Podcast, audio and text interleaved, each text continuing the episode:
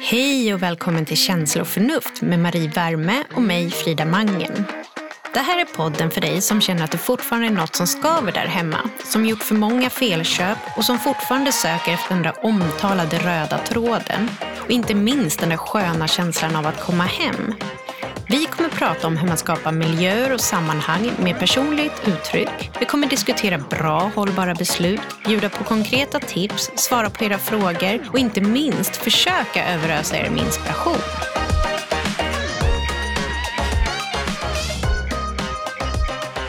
Idag har vi Sara Garantu som har en lång karriär som färgsättare och inredare med fokus på färgens inverkan på både vår hälsa och vårt välmående på besök. Hej Sara, varmt välkommen. Hej, kul att vara här. Och jättekul att du är här hos oss.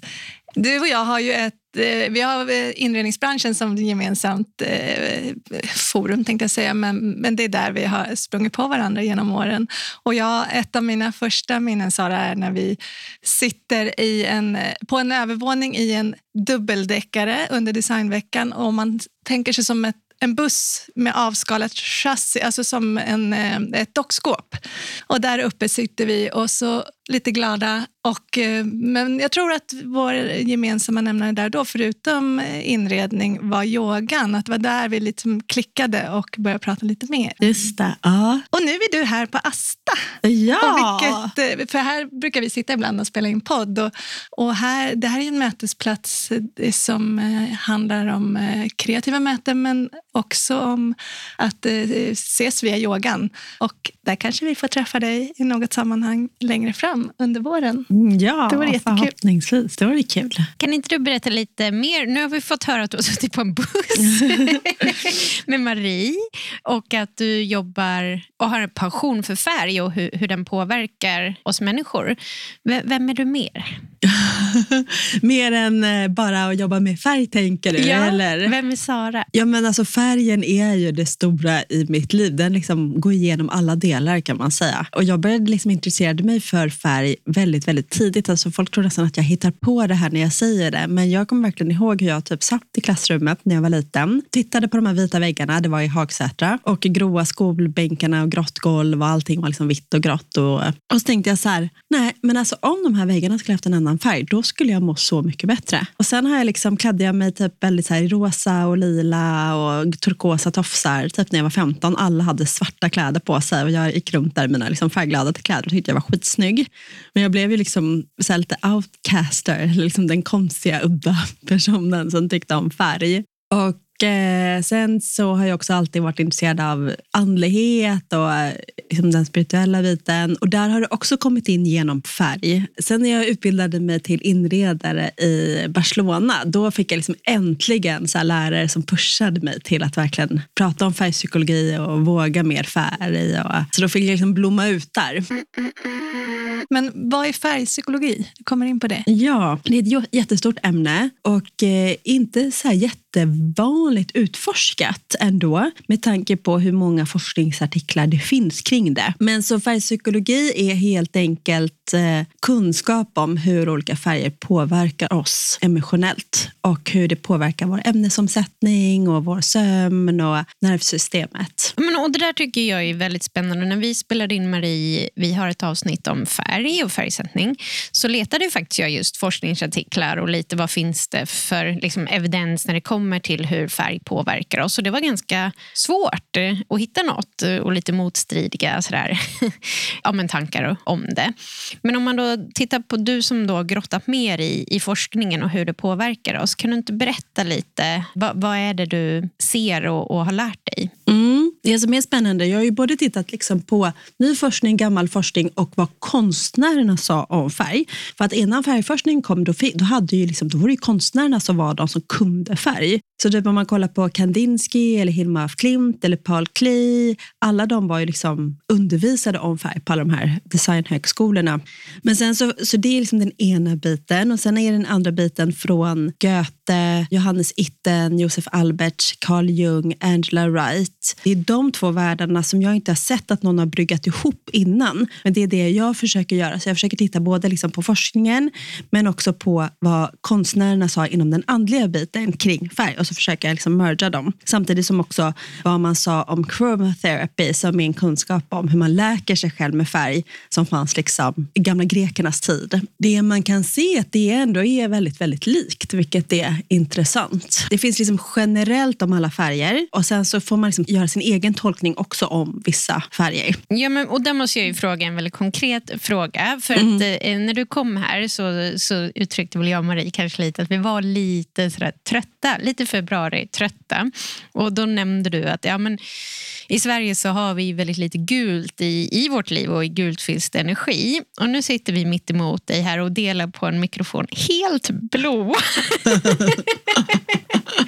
vad, vad, vad, vad, säger det om mig och Marie? Alltså egentligen så har ni klätt er helt korrekt för idag. Ja, okej. Okay. Ja, för att blått ska man ha på sig när man ska kommunicera. Mm, du ser. Inte helt fel alltså. Nej. Så man kan säga att det, det blåa hjälper oss att kommunicera, våga tala vår sanning, bli bättre på tal. Ja, men varje gång man ska skriva eller kommunicera eller jobba med kommunikation på något sätt så är det blått. Därav alla mörkblåa kostymer i Exakt. den världen. Ja. Och det, för när man pratar om färgpsykologi så brukar jag också prata om eh, kultur och trend. Så det finns färgpsykologi och då brukar jag säga att färger påverkar oss på exakt samma sätt över hela världen. För att biologiskt så funkar färgen, eftersom färg är ljus och ljus är energi, så blir färg energi och det liksom påverkar oss när vi sätter på oss olika färger. Men sen har vi också den kulturella betydelsen av varje färg. Och det kan göra att även om jag säger att en viss färg påverkar oss så kan det liksom i din kultur där du har vuxit upp ha en kulturell eller religiös betydelse. Vilket gör att du kanske känner en aversion mot den här färgen. Eller du känner väldigt mycket glädje. Eller du känner den här färgen på, den är ju liksom vår färg på vår religion så den kan vi inte ha på väggarna. Eller kan vi ha på väggarna? Eller sådär. Men så blått då kulturellt står ju också för, om man tänker på alla seriösa loggar, alla företag som vill vara seriösa, vad har de för färg på sina loggar? Ja men blå, och det pratade vi ju faktiskt om Marie, men vi tyckte att det var lite konservativt och tråkigt. men kanske för att vi tolkar det som att det inte finns så mycket nytänkande i det. Nu fick jag en sån här, eh, ett minne av eh, alla Milano-resor man har gjort genom åren. Jag kommer ihåg så tidigt att jag kände, och det gäller ju när man åker utomlands överlag, att jag vill ha mycket mer färg. Mm. Där tycker jag att där, eh, åker jag söderut så passar jag i färg på ett annat sätt. Jag trivs i färg. Här hemma, då i alla fall kunde jag känna att färg, oh, jag vill inte synas, jag vill inte det, oj, oj, oj, vad man... Men att det var, kändes så lättsamt när man... Alltså, den väskan såg helt annorlunda Jag hade liksom min åka söderut-garderob när jag hade mycket kläder ah. och sen min hemmagarderob. Vad beror det på? Alltså jag tror att det finns flera orsaker, men ett är att vi typ inte tycker att vi passar i färg. Alltså svenskar tycker inte att vi passar i gult för att vi har liksom ljus hy och så på vintern gult, alltså gula bilar, det blir smutsigt, gula tröjor och det blir bara fel. Liksom. Medan i alla varma länder så är i Australien är alla bilar gula och man har jättemycket gult liksom, för att man kanske är lite brunare har en längre period liksom under året. Man bara tycker att man passar mer i de färgerna. Men det borde egentligen vara tvärtom. För det är vi som behöver färgen i det här landet som det aldrig är sol i. Eller det är så många månader som vi går utan sol. Där det ändå är grått. Så vi borde egentligen ha mer färg än de har där nere. Nej, men det, är, det är ändå roligt eftersom vi har pratat mycket om att jag är så blågrön och även hemma. Och också Det har att göra med att jag gillar hav och jag gillar skog också. Så jag mm. hittar alltid en naturlig anledning till att jag gillar blått och grönt även om jag har ganska starkt blått och grönt hemma. Men så har jag ändå pratat med Frida här mycket om att ah, sånt behov av gult. Alltså väldigt mm. behov av gult. Och nu tror jag att det också lite ligger i det är någon liten trend. Och det kanske handlar om hela världsläget att vi alla människor unisont behöver mer gult. Och därför har jag kunnat närma mig gult och tycker kanske speciellt mm. den här havregula vi har framför oss här är jättebehaglig. Och eh, så förutom att jag pratar om att jag vill ha en beige hem så vill, vill, har jag nog ändå så här smyginförskaffat lite, lite gula, eller dras åt mm. gult nu. Och, och det är väl också ett behov vi kollektivt har kanske. Ja, men precis. Alltså, det tycker jag är väldigt intressant. För dels då, om man kollar på hur Pantone tar fram sina trender, alltså varje år så tar Pantone som ett färgföretag fram årets färg. Och när man ser på vad deras beskrivning är, liksom varför den här färgen kom, då är det ofta liksom världsläget som avgör vilken färg det blir. Och nu är det ju väldigt oroligt. Vi har ingen aning om hur det kommer bli. Kommer vi ha mat? Kommer elpriserna gå upp eller ner? Kommer det vara krig? Kommer inte vara krig? Kommer det vara någon pandemi? Kommer de låsa in oss? Alltså vi har liksom ingen aning om någonting. Och då försöker vi liksom greppa efter någonting annat. Och därför har lila, Pantone utsåg ju liksom lila förra året som årets färg. Men till det lila så behöver vi också självförtroendet i det gula. Så det är därför jag tror också att vi såg jättemycket gult nu på mässan för två veckor sedan här i Stockholm, på möbelmässan. Och eh, förr så var jag så här, nej men man, eller jag tycker väl fortfarande så att man inte behöver följa trender. Men man ska inte, speciellt som svensk, känna till att man inte blir påverkad av trender. För vi vi är det landet som är, blir, vi blir mest påverkade av alla länder. Alltså enligt Trend-Stefan, det föds ju inga trender i Sverige, men alla trendsättare åker ju till Sverige för att kolla hur en trend har utvecklat sig. För har vi den här gula senapsgulan någonstans, ja, men, och så har vi sett den i en inredningstidning tre gånger, då har alla den på en kudde sen hemma. Det är bara så, vi blir mer påverkade än vad vi tror. Och med det menar jag inte att vi kanske ska slöviskt följa trender, men så här, vara medveten om att har du sett en färg väldigt mycket, att du kommer till slut vill jag ha den kanske på en tröja eller på en kudde eller på en liten kopp. Och jag pratade med vdn på NCS, förra vdn på NCS och han hade varit vd i 40 år. Och då frågade jag om färgpsykologi såklart och liksom vad han tyckte om färgpsykologi och trender. Och, och då sa han det, ja färgpsykologi är all ära, så det påverkar oss alltså på, precis på det sättet som jag pratar om. Men han sa också det här med att vi människor vi tycker om förändring. Så att om vi förändrar någonting, och det behöver ju, det kan ju vara cirkulär förändring, man behöver inte köpa nytt, man kan ju liksom byta med grannen eller köpa second hand.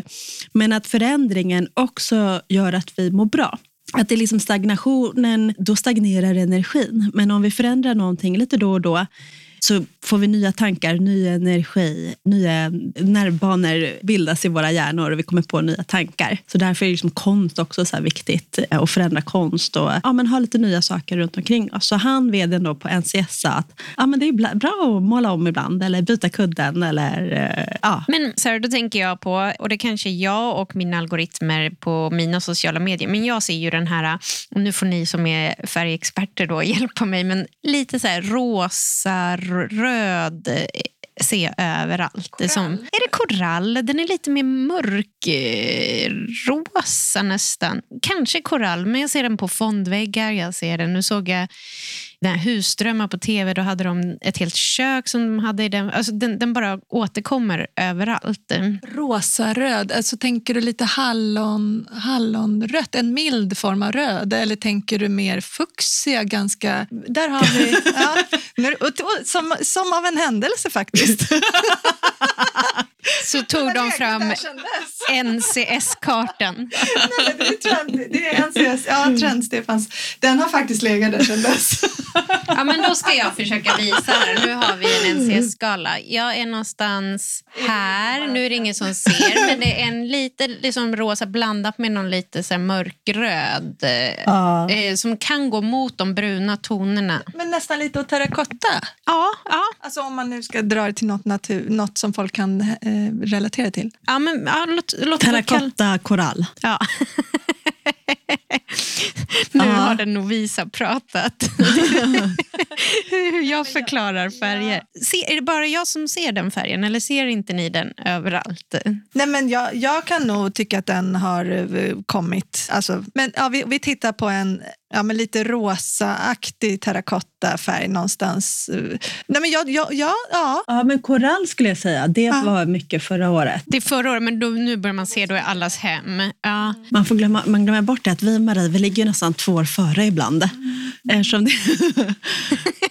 Men vad betyder den färgen då för oss? Var, varför tror ni att det är så vanligt att jag ser de färgerna just nu? Ja, men precis där någonstans ja. Det var väldigt mycket. Alltså jag är ju kanske lite och känner att jag har lämnat det lite. Ja, Men det är nu de vanliga hemmen börjar plocka Ja. in det här i, i sitt, sina hem. Eh, Men jag, tror det här, jag tänker det här, liksom det gula, att det handlar om att vi behöver omge oss med något. Eh, ja, för mig är det ändå någon slags någon mineralfärg, alltså det här med terrakotta och jordiga färger. Ja, det någon, står för någon trygghet. Så att man började plocka in de här under pandemin tr, tror jag ändå handlar om att man behövde boa och, och omge sig med värme och kärlek. Liksom. så tror jag absolut att det är. Att vi, det var så otryggt under pandemin och då en stor trend var ju då just att boa in sig och känna mer trygghet och värme omkring oss. Och det som också hände under pandemin var att vi reste ju inte nästan på två år så att jag tycker tycker ju nästan att mer färger har kommit in efter pandemin för att vi ville se någonting nytt. Vi var så liksom benägna till att se någonting nytt. Så mycket mer färger och mönster kom efter pandemin, eller liksom under pandemin. Men det röda står ju för kraft och energi. Så att jag brukar säga så här, nu under december, januari, februari, jättebra att ha på sig mer röda kläder. Jag älskar ju att alla, julen är röd. För under liksom hela året vi är jättetrötta när vi kommer till december, ingen ork. Och en liten röd tomte gör att vi blir, får mer energi. Och det här var ju första julen som jag kände att nu vill jag börja ha rött under julen. Jag har bara haft blått och grönt. Nej, alltså bara blågröna kulor i min gran. Men nu, nu gick jag, önskade jag mig, jag köpte ett par fantastiska keramiska ljusstakar av Erika Grönberg som har ställt ut här. Bara väldigt traditionella men rödvita och bara kände nej men nu, nu ja. Och ett behov av det, alltså både behov av det lite mer traditionella fast icke, inte för det liksom väldigt så tomtar och bockar utan men något traditionellt, något väldigt så här, lite Carl Larsson och sen det där, nej, men också att det blev en förändring från vad jag alltid har annars, att man behövde något annat.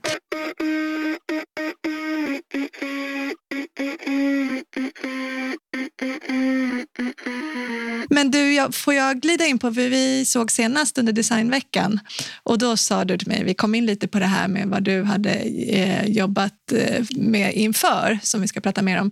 Men du sa också att Marie, jag vet att nästa stora trend är spirry. Ja. Och jag gick därifrån och sa spirry, spirry. Liksom, vad är det här? Alltså, jag vet ju att jag pratar med Sara, så jag anar ju. Men, och försökte faktiskt eh, googla och hitta lite mer info, men fick, alltså, jag fick, fick inte tag på så mycket information. Så jag tänkte att du får utveckla lite. Jag, jag vet ju var, var, vart händer barkar, men berätta om nästa stora. Ja, men jag tror också att i och med pandemin, att allting är så osäkert, så är ju också en trend att vi söker efter någonting annat. Och då blir det ju ofta utanför oss själva. Eller att man också går inåt och söker sig inåt. Men eftersom man inte kan greppa om någonting så har andligheten, eller då det svenska övert, ordet översatt från engelska spirituality, blir spiritualitet på svenska, men egentligen betyder spiritualitet inte spirituality, utan på svenska är det rätta ordet andlighet. Men vi säger spiritualitet, så att jag säger det, men det betyder egentligen att ha roligt på svenska. Och då förkortningen är ju då spirri. Om man ska vara lite trendig så Ja, kan man men det säga så härligt. Så Vogue publicerade en jättestor artikel om den här nyandligheten och att den har blivit mer och mer trendig. Och det ser man ju, det finns liksom nästan en yogastudio i varje gatuhörn och vi sitter i nu. Och meditation och yoga och kapp och breathwork. Och, ja, men det börjar komma jättemånga olika sätt att lyssna in och ta hand om sig själv, må bra. Och om vi kopplar det till inredning, hur tror du att inredningen inredning kommer se ut om vi har mer fokus på det spirituella? Ja, jag läste ju här i L häromdagen att så här inreder du för det stjärntecken du är. Så nu kan man då tydligen inreda för, ja, beroende på vad det är för stjärntecken så kräver du kanske en viss typ av inredning eller någon annan. Och eh, jag jobbar, inte, jag kan inte så mycket om stjärntecken, men jag eh, jobbar med din aura. Så jag läser av människors aura. Vi har ju ett, ett energifält runt omkring oss. Det har ju liksom vetenskapen eh, kommit på, så det är ingenting som jag eh, hittat på. Och man, kan göra, man kan ju ta sitt aurafoto också med en maskin. Men det jag gör är att jag läser av människors aura medialt. Så jag kan se vilka färger du har i din aura och utifrån det då också vilka färger du behöver. För att det är aldrig så att man har liksom en perfekt aura med alla rätt färger, utan det är alltid någon färg man behöver mer eller mindre av.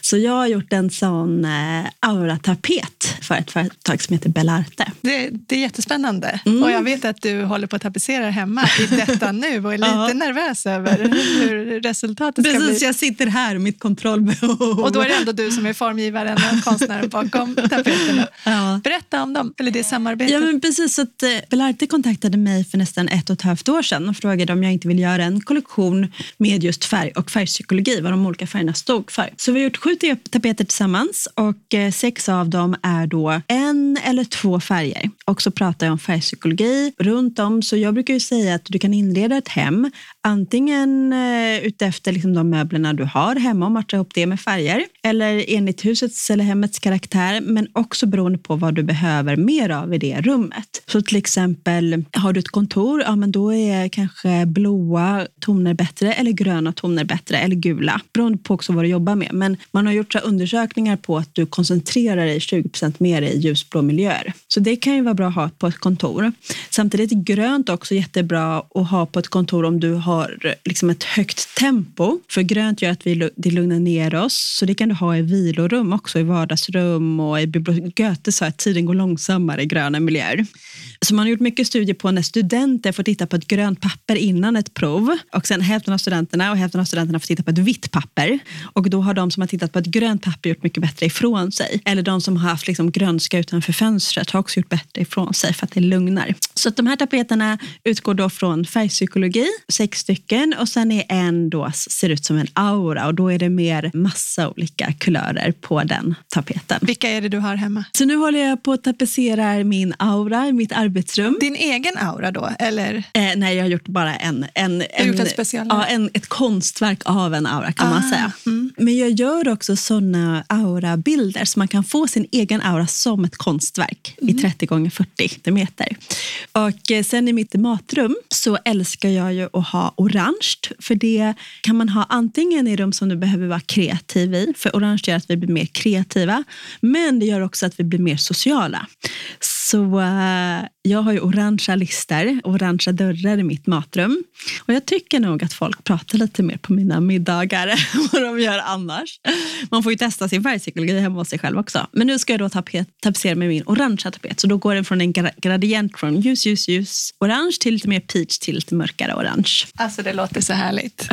ja men också lite galet måste jag säga. Alltså, här, när jag hör att du har orangea lister då tänker man så här, oh, jag ser någon 60-70-tal. Men sen så har jag, jag följer dig på Instagram och vet att det är jättefint hemma hos dig. Så jag tänker att vi får också dela lite bilder hemifrån dig om det är okej okay, till våra lyssnare. Så de får en bild av hur härligt det blir när man blandar färger och att det kanske inte blir den där första bilden man får i huvudet om man är så novis som jag är och kanske inte kan liksom få upp de där bilderna i huvudet. Jag tänker också att um, det här med att ha vita lister det är ju bara en parentes i historien. Det ser ut som att det...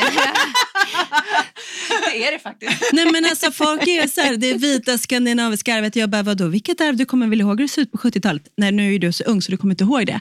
Men det var ju inte en vit fläck någonstans. Nej, det var det ju inte. Och inte på 80-talet heller. Inte 80-talet heller. Nej, och, och jag så... hade ju faktiskt orange i hela mitt rum på 80-talet. Lite den här, det skulle se lite svampat ut. Kommer ja. ni ihåg? Eller det kanske var mer början 90-tal. Så det här med det vita, det är ju bara en trend som är på väg bort ut och vi kommer minnas det som en liten parentes i historien. För vi har aldrig någonsin haft vita väggar eller vita tak i, i hemmen innan. Men vi har ju haft ett väldigt behov av att spegla in ljus, alltså tror jag lite undermedvetet. Jag tänker om ah. den, det här med vita blankt, blanka snickerier och det också kanske har varit, haft en sån funktion att vi vill liksom få in ljuset ännu mer utifrån och så, så står det en dörr där och så speglar det lite ljus i den, alltså just det där vita. Jag vet inte, det hittar jag bara på nu. Men, men jag tänker att det kanske... Ja, det är så vi har marknadsfört det. Ja, det är lobbyism, tycker jag. Ja. Vi är väldigt mycket för standard också, en, en ja. slags standard. Och Det kom ju med miljonprogrammet, att alla skulle ha vita väggar och vita lister för att det skulle vara så enkelt och billigt. Och ni vet väl vad Stockholmsvitt heter i folkmun på målare? Nej. Ett lager vitt, vilket betyder att ni som, eller du som jobbar som inredare vet att först ska man grunda en gång och sen ska man ha två toppstrykningar. Det målarna kom på att när de hade Stockholmsvitt, alltså 0502 Y, för er lyssnare så är det alltså 5% svart och 2% gult som man har lagt i den här vita. Då kom målarna på att de bara behövde stryka ett topplager, vilket gjorde att de tog betalt för två rök bara ett. Så det var en ekonomisk sätt att tjäna mer pengar för målare. Så därav är jag enormt emot den, det fusket med Stockholmsvitt. Men jag måste ändå återgå till de här listorna. För, och, och, det är återigen vad jag ser. Men jag tycker att det har varit en trend ganska länge att vi målar in listorna i samma färg som, ja, det, som väggarna. Ja. Är det på väg bort nu och att vi vågar liksom kanske plocka in helt andra färger på listorna nu? För vi ser ju att det kommer in mer färger. Eller vad, vad tänker ni och tror om om, om listor? Alltså jag tror att eh, det kommer nog vara en trend fortfarande. Och Speciellt om man har lite mindre listor. Då tycker jag det är fint att måla in det samma. För det blir så enhetligt och en ganska fin känsla. Jag brukar säga att om du har lite större lister eller stuckaturer, då kan det vara fint att måla dem i en kontrasterande färg så att du ser dina fina lister och dina fina stuckaturer. Men har du liksom en liten list som är på 5 centimeter, då kanske det inte är någonting du vill liksom skylta med och då kanske du gömmer in den i samma kulör som väggfärgen. Men det, är, det finns ju massa olika sätt att tänka där. Tycker jag. jag tycker inte det finns liksom något rätt eller fel. Utan känner man att man vill ha lite vita listor så ska man såklart ha det. För det har ju med det här med trend och kultur att göra också, som jag pratade om innan. Att om du verkligen känner starkt för en färg så tycker jag alltid att man ska, då försöker inte jag pracka på någon annan färg, utan då tycker jag att man ska ha den. Och känner du starkt för att du vill måla in allting i en och samma kulör, för att du tycker om hur det ser ut, och tycker att man ska göra det. Och vill du ha liksom orangea listor som jag är hemma för att du tycker det är coolt och du vill vara lite eklektisk och lite galen och älskar att sticka ut, då kan man få göra det.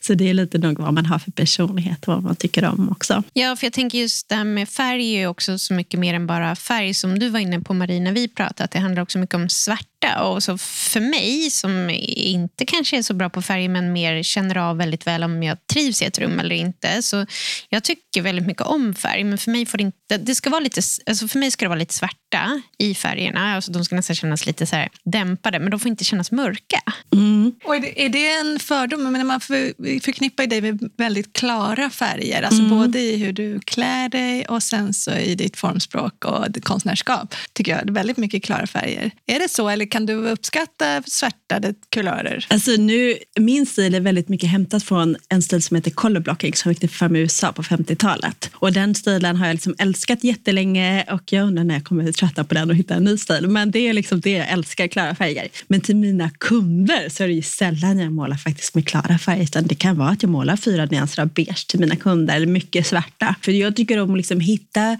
personen, eller de som bor i hemmet, deras personliga stil och deras uttryck och tolka det i kulörer som passar dem. Och hur gör man det då? Om man vill börja där man känner kanske att ja, men jag vill plocka in färg. Och jag, som för mig, jag gillar de här vackra övergångarna som man knappt märker av. Mm. Men det kan vara ganska mycket färg men med de här mjuka övergångarna i ett rum.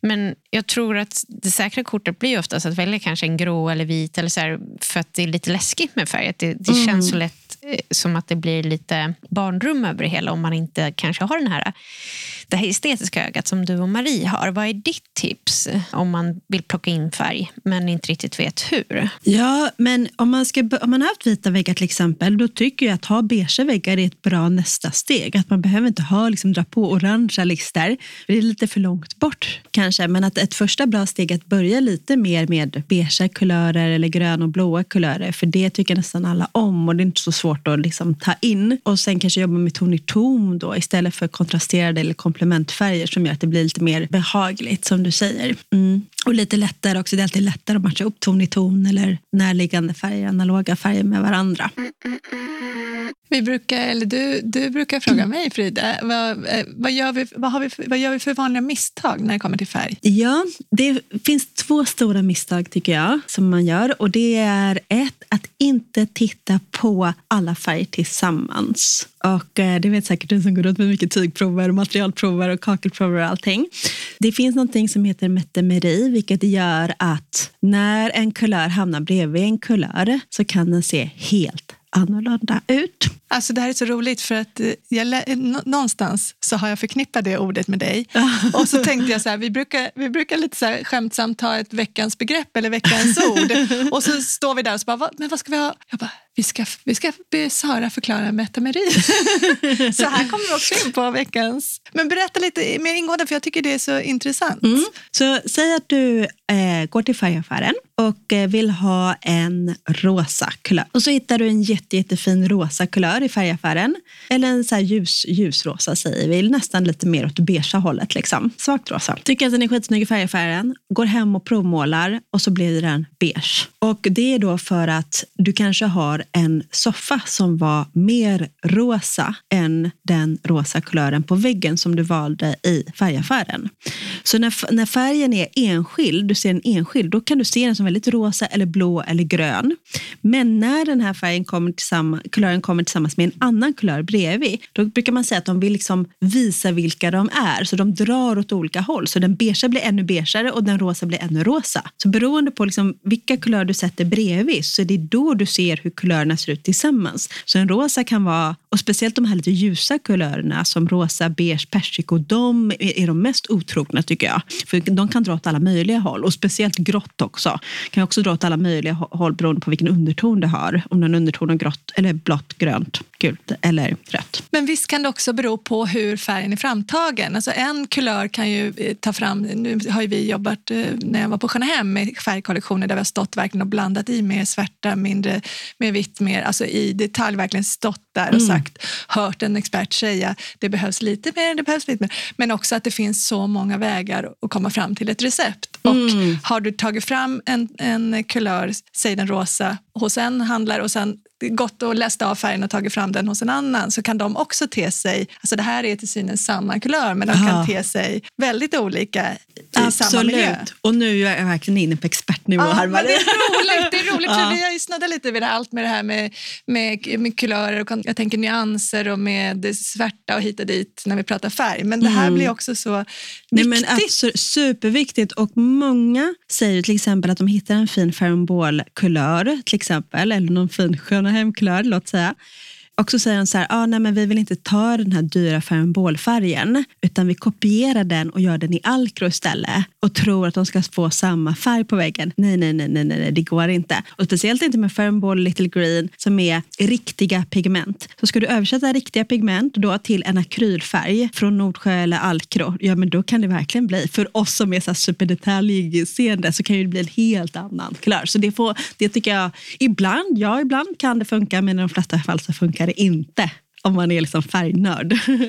Men det är bra att veta, mm. för att det är ett lätt misstag och så blir man ändå inte nöjd. Ja, jag tänker där blir provmålningen väldigt viktig. Och hur gör man den då på bästa sätt? Ja, precis. Och det var det jag skulle säga. Att titta på alla färger tillsammans. Alltså ha soffprov, väggprov, gardinprov, mattprov, kakelprov. Alla materialprover måste du testa i samma rum och hur de ser ut bredvid varandra. För det är då du faktiskt ser vilken klör det är. Och sen det andra är då att provmåla. Och då är det dels ett provmåla i den då fabrikanten som du ska måla i sen. Så jag brukar fråga målarna, ofta har de ju rabatter på något varumärke som de vill jobba mer med. Då brukar jag fråga så här, det det från början, vilket eh, varumärke vill målaren jobba med? Ja, då kanske de säger Alcro. Ja, men provmåla i Alcro då. Mm. Provmåla inte i Nordsjö och sen välj Alcro, utan provmåla i den du ska måla sen, för då är det då du verkligen ser hur kulören ser ut. Och sen så är det vanligaste misstaget att man målar direkt på väggen och sen målar man fem olika prover på väggen. Och vad händer då? Ja, det är då det, vad var det kallades för nu? Mätt. Nu var jag lite för i tanken. Jag bara sitter och tänker på allt jag vill fråga Sara innan tiden går ut. Mätta med dig. Doktor Mätta med dig. Mätta med dig. Så om du har fyra olika nyanser av beige på väggen, ja men då kommer den ena se väldigt grön ut, den andra blåa och den tredje röd. Men sen när du får upp den på väggen så kommer den ju se beige ut. Så det bästa tipset är att måla lite större om man kan. A3 eller en gånger en om du har det riktigt lyxigt. Måla på en extern skiva, inte direkt på väggen. Och sen håller du upp en kulör i taget när du tittar på kulören. Gillar den här eller inte? Och sen jämför du då den här kulören med soffan. Hur ser den ut mot soffan? Hur ser den ut mot listerna? Hur ser den ut mot dörren? Hur ser den ut på alla fyra olika väggar? För det är olika ljus på de fyra väggarna också. Och då brukar jag säga att eh, ta den väggen där det är mest vägg. Det är där den ska liksom vara vackrast. Och sen på den andra väggen där det kanske är en balkongdörr eller ett fönster, där kanske den inte är lika viktig. Så liksom, titta på den väggen som du ser först eller mest av i rummet. Tschüss.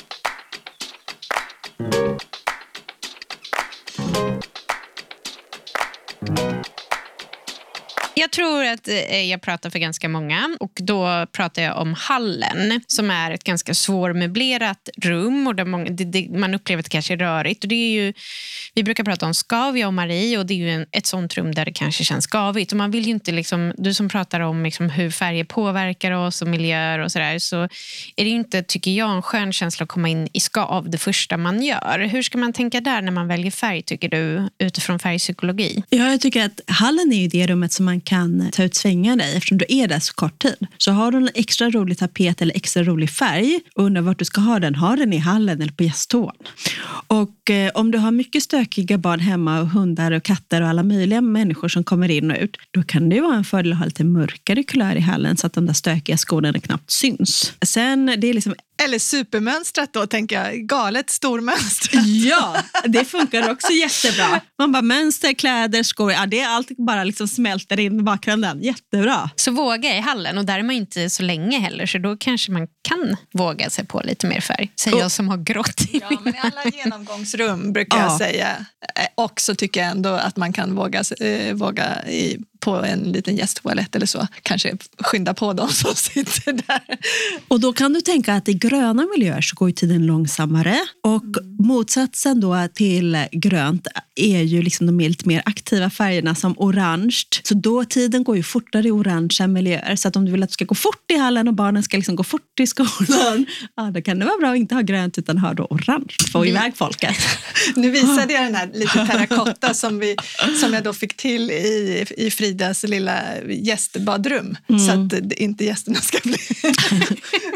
Du, du, är, du är konstnär, Sara, du är kolorist, medial coach, auraläsare. Du har gjort så mycket, eller du har så mycket, många strängar på din lyra. Men något som jag kände att jag ändå vill fråga dig lite om, det är ju ditt eh, senaste, jag ska inte säga påhitt, för det här är, eh, har ju Ja, men vi fick ju dricka vatten mm. som du hade spetsat till. Vad hade du spetsat till det med? Eh, ja, men jag har fått dricka lite frekvensvatten. Och, eh, så det har jag börjat med. Efter mina auraläsningar så började jag med frekvensterapi. Och det som är så roligt är ju att alla färger påverkar oss för att de sitter på en våglängd. Som om alla lyssnare kommer ihåg hur i fysiken så fick man ju en sån här karta över alla våglängder. Och då ser man ju liksom alla färger har en viss våglängd, det är därför de påverkar oss. Sen infraröd har ju en viss våglängd, det har ju blivit trendigt nu. Mikrovågor är också på samma liksom skala fast lite längre bort, det är farliga vågor. Och sen så finns det då terahertzvågor som nästan ingen har hört talas om. Men terahertzvågor är alltså samma våglängd som våra celler vibrerar på. Så min lilla nya frekvensmaskin, den då blåser terahertzvågor. Så då blåser du terahertzvågor på kroppen, på dina celler och då kan man enkelt förklara att den rechargar cellerna.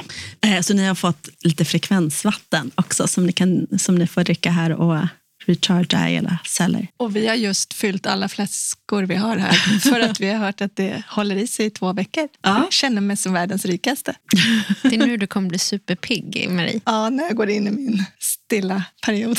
Du pratade ju om eh, att de olika färgerna har betydelse. Kan du inte bara lite kort beskriva vad, vad de olika färgerna har för betydelse. Mm, så uh, rött ska du ha på dig eller ha i inredningen när du vill ha mer energi, när du vill bli piggare. Klockan tre när du vill uh, ta en extra kaffekopp eller en extra espresso, ta, byta om till dina röda kläder eller när du ska träna. För vi blir 20% starkare i röda kläder, visar forskningen. Orange när du vill vara mer kreativ, när du vill att dina kollegor ska säga ja till dina idéer och eh, du vill vara mer social och ha lite roligare i livet, då ska du ha på dig orange. Eller har något orange i inredningen. Gult när du vill få bättre självförtroende, bättre självkänsla. Till alla ungdomar där ute som pluggar. För att gult gör, det är därför alla överstrykningspennor är gula, alla post-it-lappar är gula, löpsedlarna är gula. För vi läser tre gånger snabbare på ett gult papper. Så när du ska ta in information, gult. Sen har vi blått, det har vi pratat om. När du ska kommunicera, hålla tal, hålla en podd, stå, göra, ha en föreläsning. Och sen har vi grönt. Grönt när du vill bli lugn, när du ska meditera, vill koppla av, ta det lugnt, vara vilsam. Mörkblått kan vara bra att ha i sovrum om du har svårt att sova, för det hjälper oss att komma ner i varv. Och sen älskar jag ju både lila och rosa som jag tycker vi har alldeles för lite av. Det lila står ju för att drömma större, förverkliga sina drömmar. Tänk liksom när barnen ska bygga sina kojor, när man inte vill begränsa barn, då ska man egentligen boosta dem med lila för att de just ska få tänka fritt. Och det behöver ju vi vuxna också ibland, bara få lite nya idéer och nya perspektiv. Och då är den lila. Och sen den rosa, alltså rosa för mig är lite så här härlig social färg, en färg när vi vill liksom connecta med ett högre syfte, högre jag. För mig är det liksom så här champagnebubblor, typ när jag vill bli lite gladare och bara vill ha lite roligare i livet, lite mer kärlek. Då tar jag på mig rosa. Och sen eh, turkost. Det här är nästan ingen som vet. Och det turkost står för förändring. Så vill du ha förändring i ditt liv, måla om rummet i turkost. Men var försiktig för att det kommer hända saker. Så att om du inte vill att det ska hända någonting, nej, då kanske inte turkos är den bästa. Om du tycker om stagnation. Men jag måste ju också fråga då, Sara.